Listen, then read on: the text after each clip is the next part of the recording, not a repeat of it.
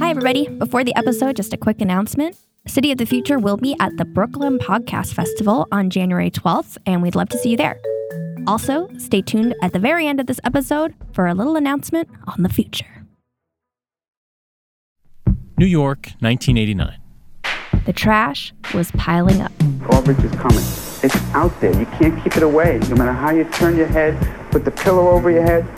Let me put it this way America and New York will either solve the garbage crisis because we start now, or we will solve the garbage crisis in hysteria at 20 times the cost and at 20 times the environmental damage.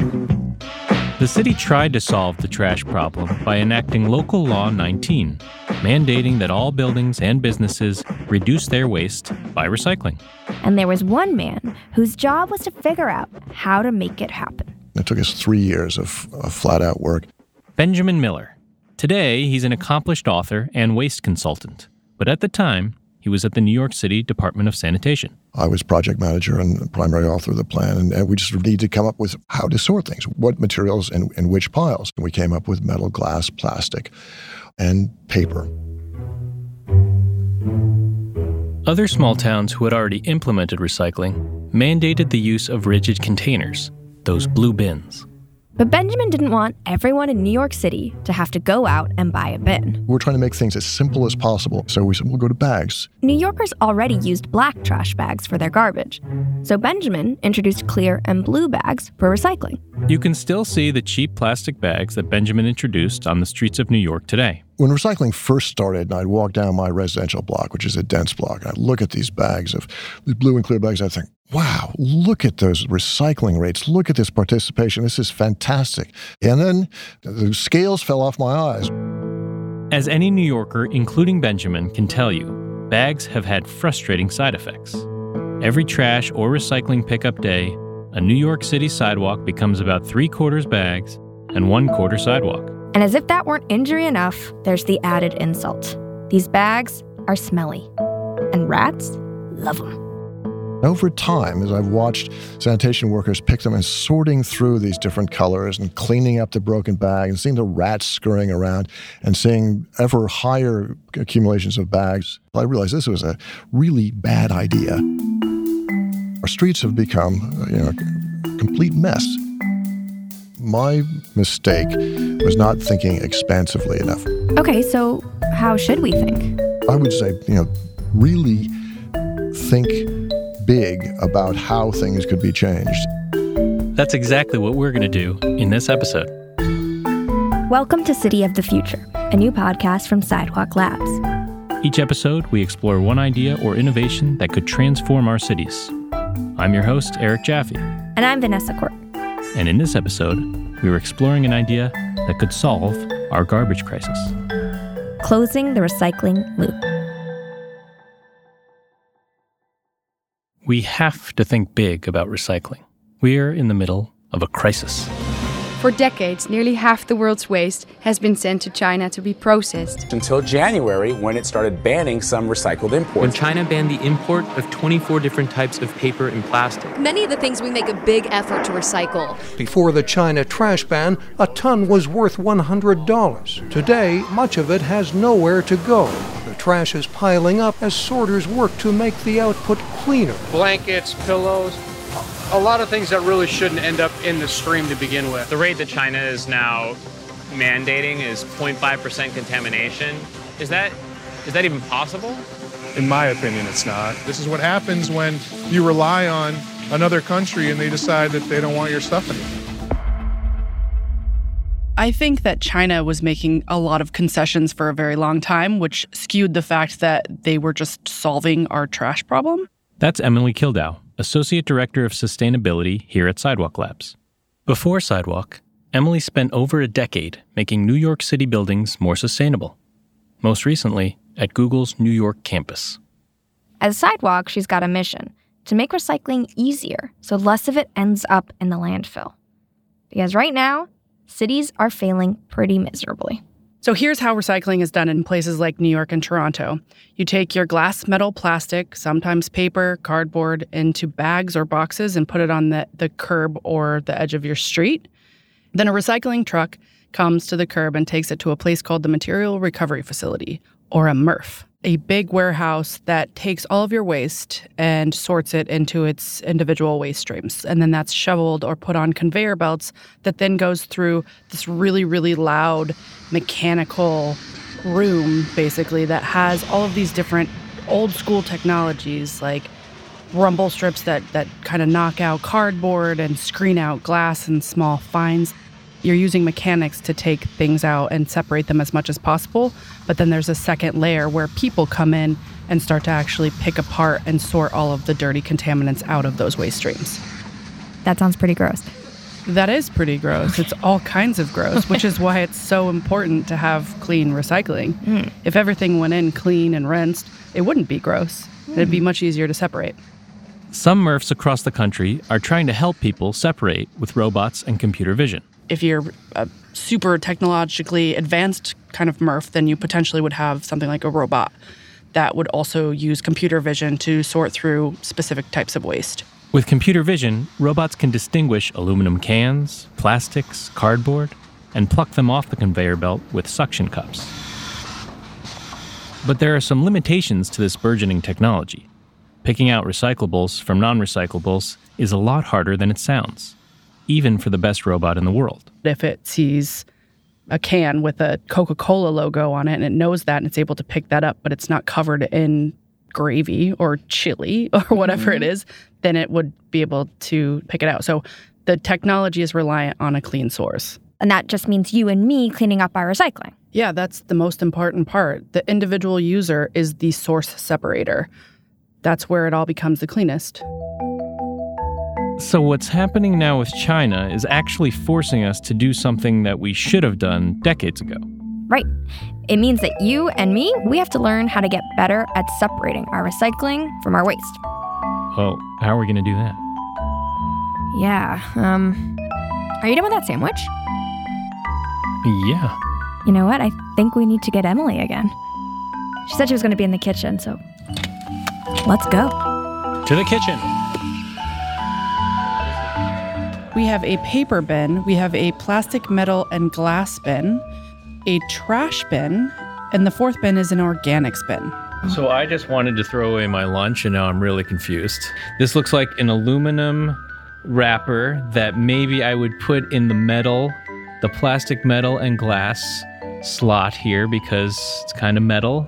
Right, and if that was aluminum foil that was just straight metal, then that would be true. Okay. But if you open up that little wrapper, So I also have. I, th- my surprise was that I also had a little food oh, in here. oh well, there's there's there's multiple things that we need to talk about then, Eric. Let's let's first start with the fact that that's not metal. This is right? not aluminum. So how am I supposed to know that? That I know that's really confusing. It is a combination. It is a metal coated paper, Okay. which then renders it not recyclable, Oh. unfortunately. All right. Vanessa's laughing at me, but but what would you have done in this situation? I probably would have put it into the, the metal as well. I would have made the same mistake. Just without the tomato. It's shiny. How does that not look like a metal? It is confusing. That is not metal or paper, so therefore it is trash. Okay, so this my napkin that I used earlier. That I can put in organics. You can put in organics, yes. Ah, it would The be light- better in organics than paper. Correct. Because it got orange juice on it. Right. Okay. Like, is there a default that I should choose that's the best of the worst situations? How do I go about that? I think that the best default is the simplest. So if you're confused by it, it's probably trash. Even if you put it in the wrong spot and the condition was good, you're still now taking that on a little trip Mhm. to the MRF, and then the MRF is going to separate and go through all of this labor and energy to sort it out, and then go, Mhm. ah, no, that's landfill, and then it's going to have to go back to the landfill, versus you just throwing it in the correct bin in the first place, and then it doesn't have to take those extra trips. It doesn't contaminate. It's less energy to sort. People don't want to throw things in the trash. They Yeah. want to recycle them. So it being confusing actually makes more problems on the recycling side. People want to recycle. They don't want to throw things away, even if putting things in the trash is better for the recycling facility. But fortunately, there are ways we could get people to recycle better. One of the most compelling solutions comes from the world of behavioral science. We focus on applying all of the sort of wonderful insight from the behavioral sciences in really concrete and practical ways to make government services work better for people. That's Sasha Tregebov. He works for an innovative consulting company called the Behavioral Insights Team, world renowned for implementing something that behavioral scientists call nudges. Sasha, tell us what a nudge is. Let's mm-hmm. say you've got some healthier snacks and you've got some less healthy snacks. By putting the less healthy snacks in a jar that's not transparent, that's sort of harder to see what's in there, mm. you may actually influence the choices that people make. You haven't restricted them from having the gummy bears. If they're really motivated to eat some gummy bears, they can still do it. But maybe if they're sort of 50 50 on the fence between a healthier snack and the gummy bears, they'll pick the healthier snack. And that's a mm-hmm. sort of canonical example of what a nudge is. That doesn't limit the options that people have available to them. It doesn't constrain what they're able to do, but it helps them make the decisions that they'd really want to make. The first ever nudge unit started in the UK. At the time, the British government had a problem. Despite sending taxpayers letter after letter, some people weren't paying their taxes on time. So the nudge unit came up with an idea. They added a simple statistic to the letter 9 out of 10 British citizens do pay their taxes on time. And adding that one sentence to letters ended up bringing forward hundreds of millions of pounds in revenue over the following years. That's insane. the, it, it, I mean, what is it about our brains that would make us more motivated by that than than just the deadline? We like to talk about a really simple framework for understanding the core, sort of fundamental principles of behavioral science, and we call it the EAST framework. Okay. So, if you really want people to behave in a certain way, make that behavior easy. That's the E. Mm-hmm. Make it attractive, make it social, and make it timely. Mm. Because these are the factors that really influence how people make decisions and behave. Okay, an acronym, that's great. So easy, attractive, social, timely, east. Yeah. Okay, so let's start with the E. Can you tell me about easy? Let's say I've, um, I hope this isn't indelicate, used up my toilet paper. Okay. Right? And I've got that little cardboard roll Right. that's left. Yes. And I'm in the bathroom and I want to dispose of this little cardboard roll. It's a Mm. little bit of friction for me to go and walk that out to the kitchen Mm. if I'm not going there anyways Yeah. and deposit it in the recycling bin. Mhm. So what happens? We put it in the trash, right? And something that could have been recycled isn't. Mm. So, what are these little solutions we could have in our own homes? What's the little divider or the smaller bags that we might be able to put in our bin so that everywhere we make recycling, Mm. we can put recycling so that Right. it ultimately gets to the right place? So, searching and destroying those little moments of friction can really have a dramatic impact in what people do. Yeah, I mean, my roommates don't even change the toilet roll with a new toilet roll, let alone properly recycle the cardboard tube. Whoa. So I guess that's because it's too much friction, not convenient enough. It's a whole other opportunity for nudging, right? Yeah, yeah. A lot of times people sort of summarize some key findings from behavioral science in terms of saying that people are lazy. And there's some truth there, but I sort of really push back against that. I would say our brains are amazing at conserving our energy and attention. We That's a are beautiful way to put it. great at finding shortcuts. And in fact, I would argue that life would, in fact, be impossible if our brains didn't find these shortcuts, right? But it's not totally wrong to say that we're sort of lazy by mm-hmm. design and we're mm-hmm. really good at it.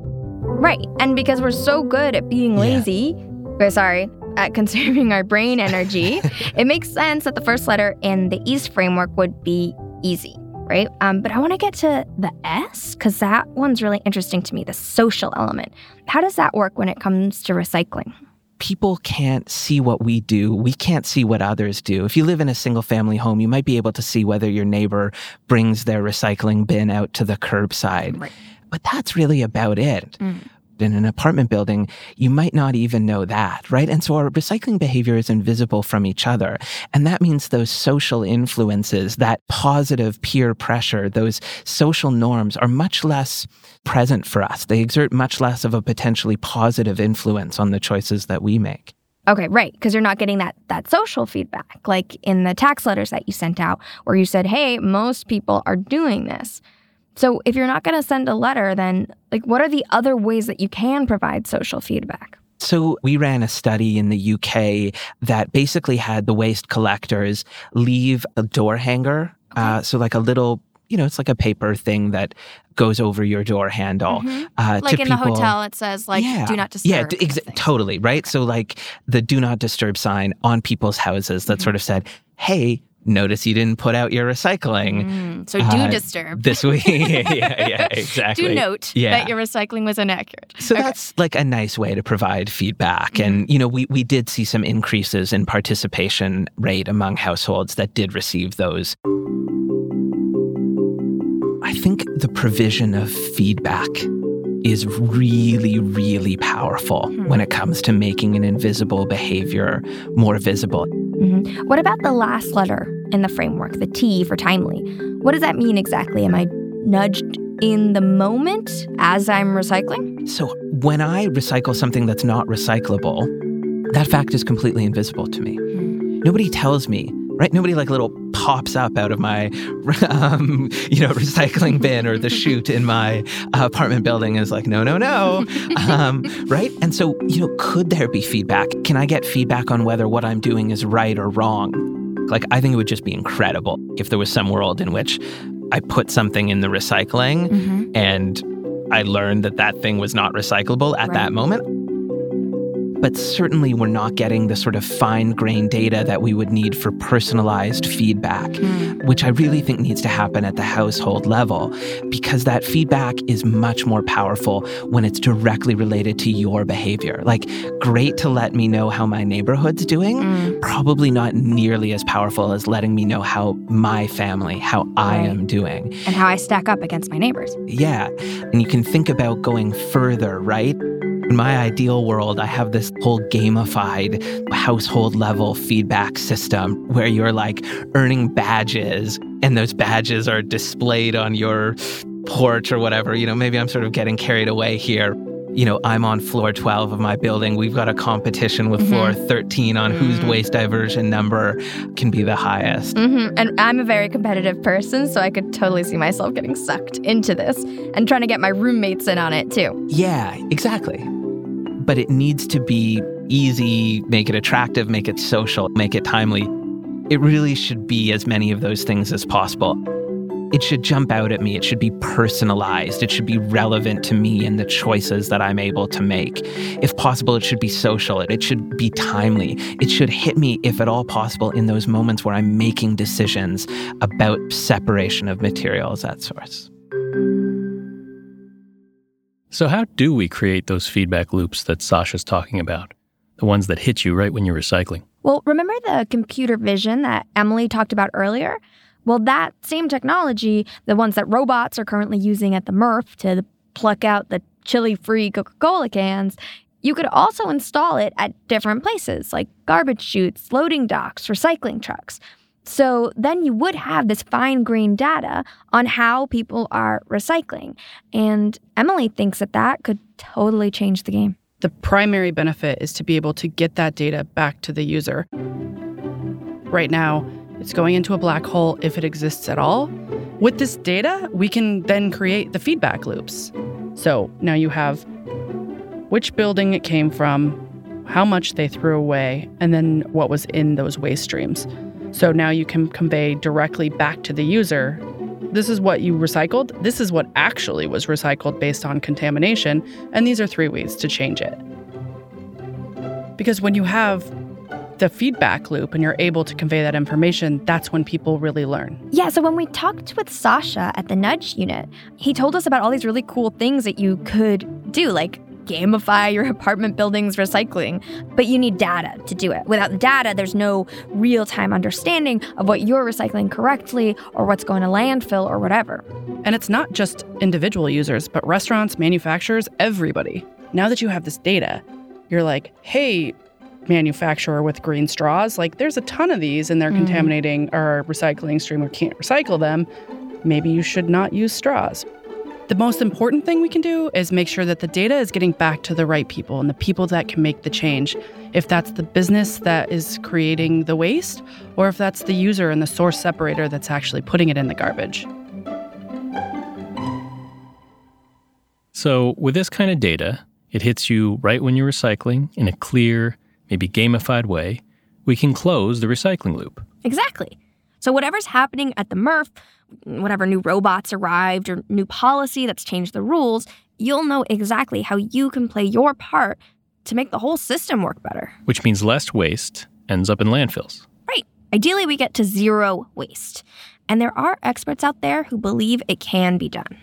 Everything is cyclical mm. in, in nature. And if we mm-hmm. want to be sustainable, we have to do the same. This is Clare Miflin, an architect who led the development of New York City's Zero Waste Design Guidelines, a set of best design practices for making reuse and recycling more convenient and less confusing. My son would say my mum works in garbage. Okay.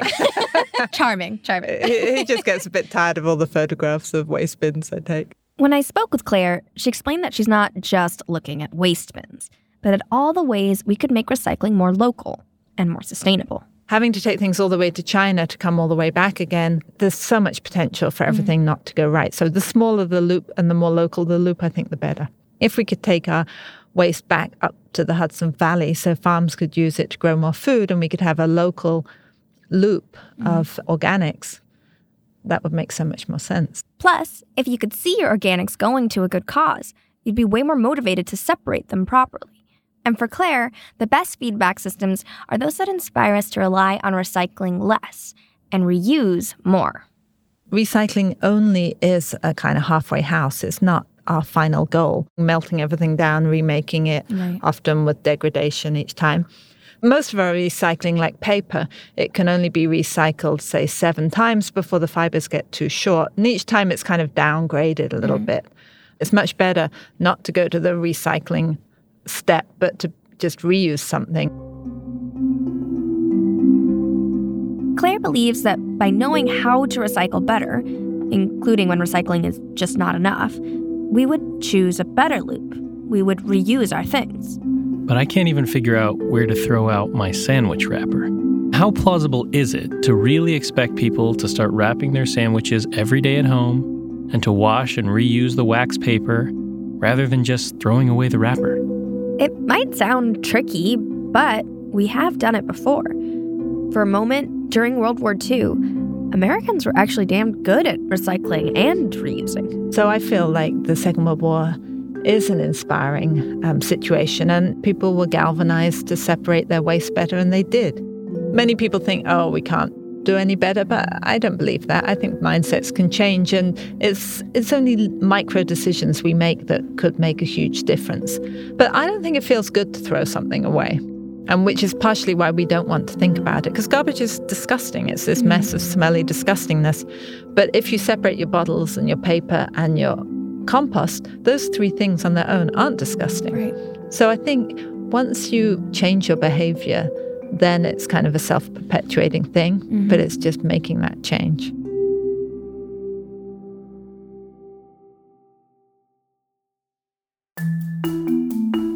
Thank you for listening to City of the Future, a podcast from Sidewalk Labs. Your hosts are Vanessa Quirk and me, Eric Jaffe. We are produced by Benjamen Walker and Andrew Callaway.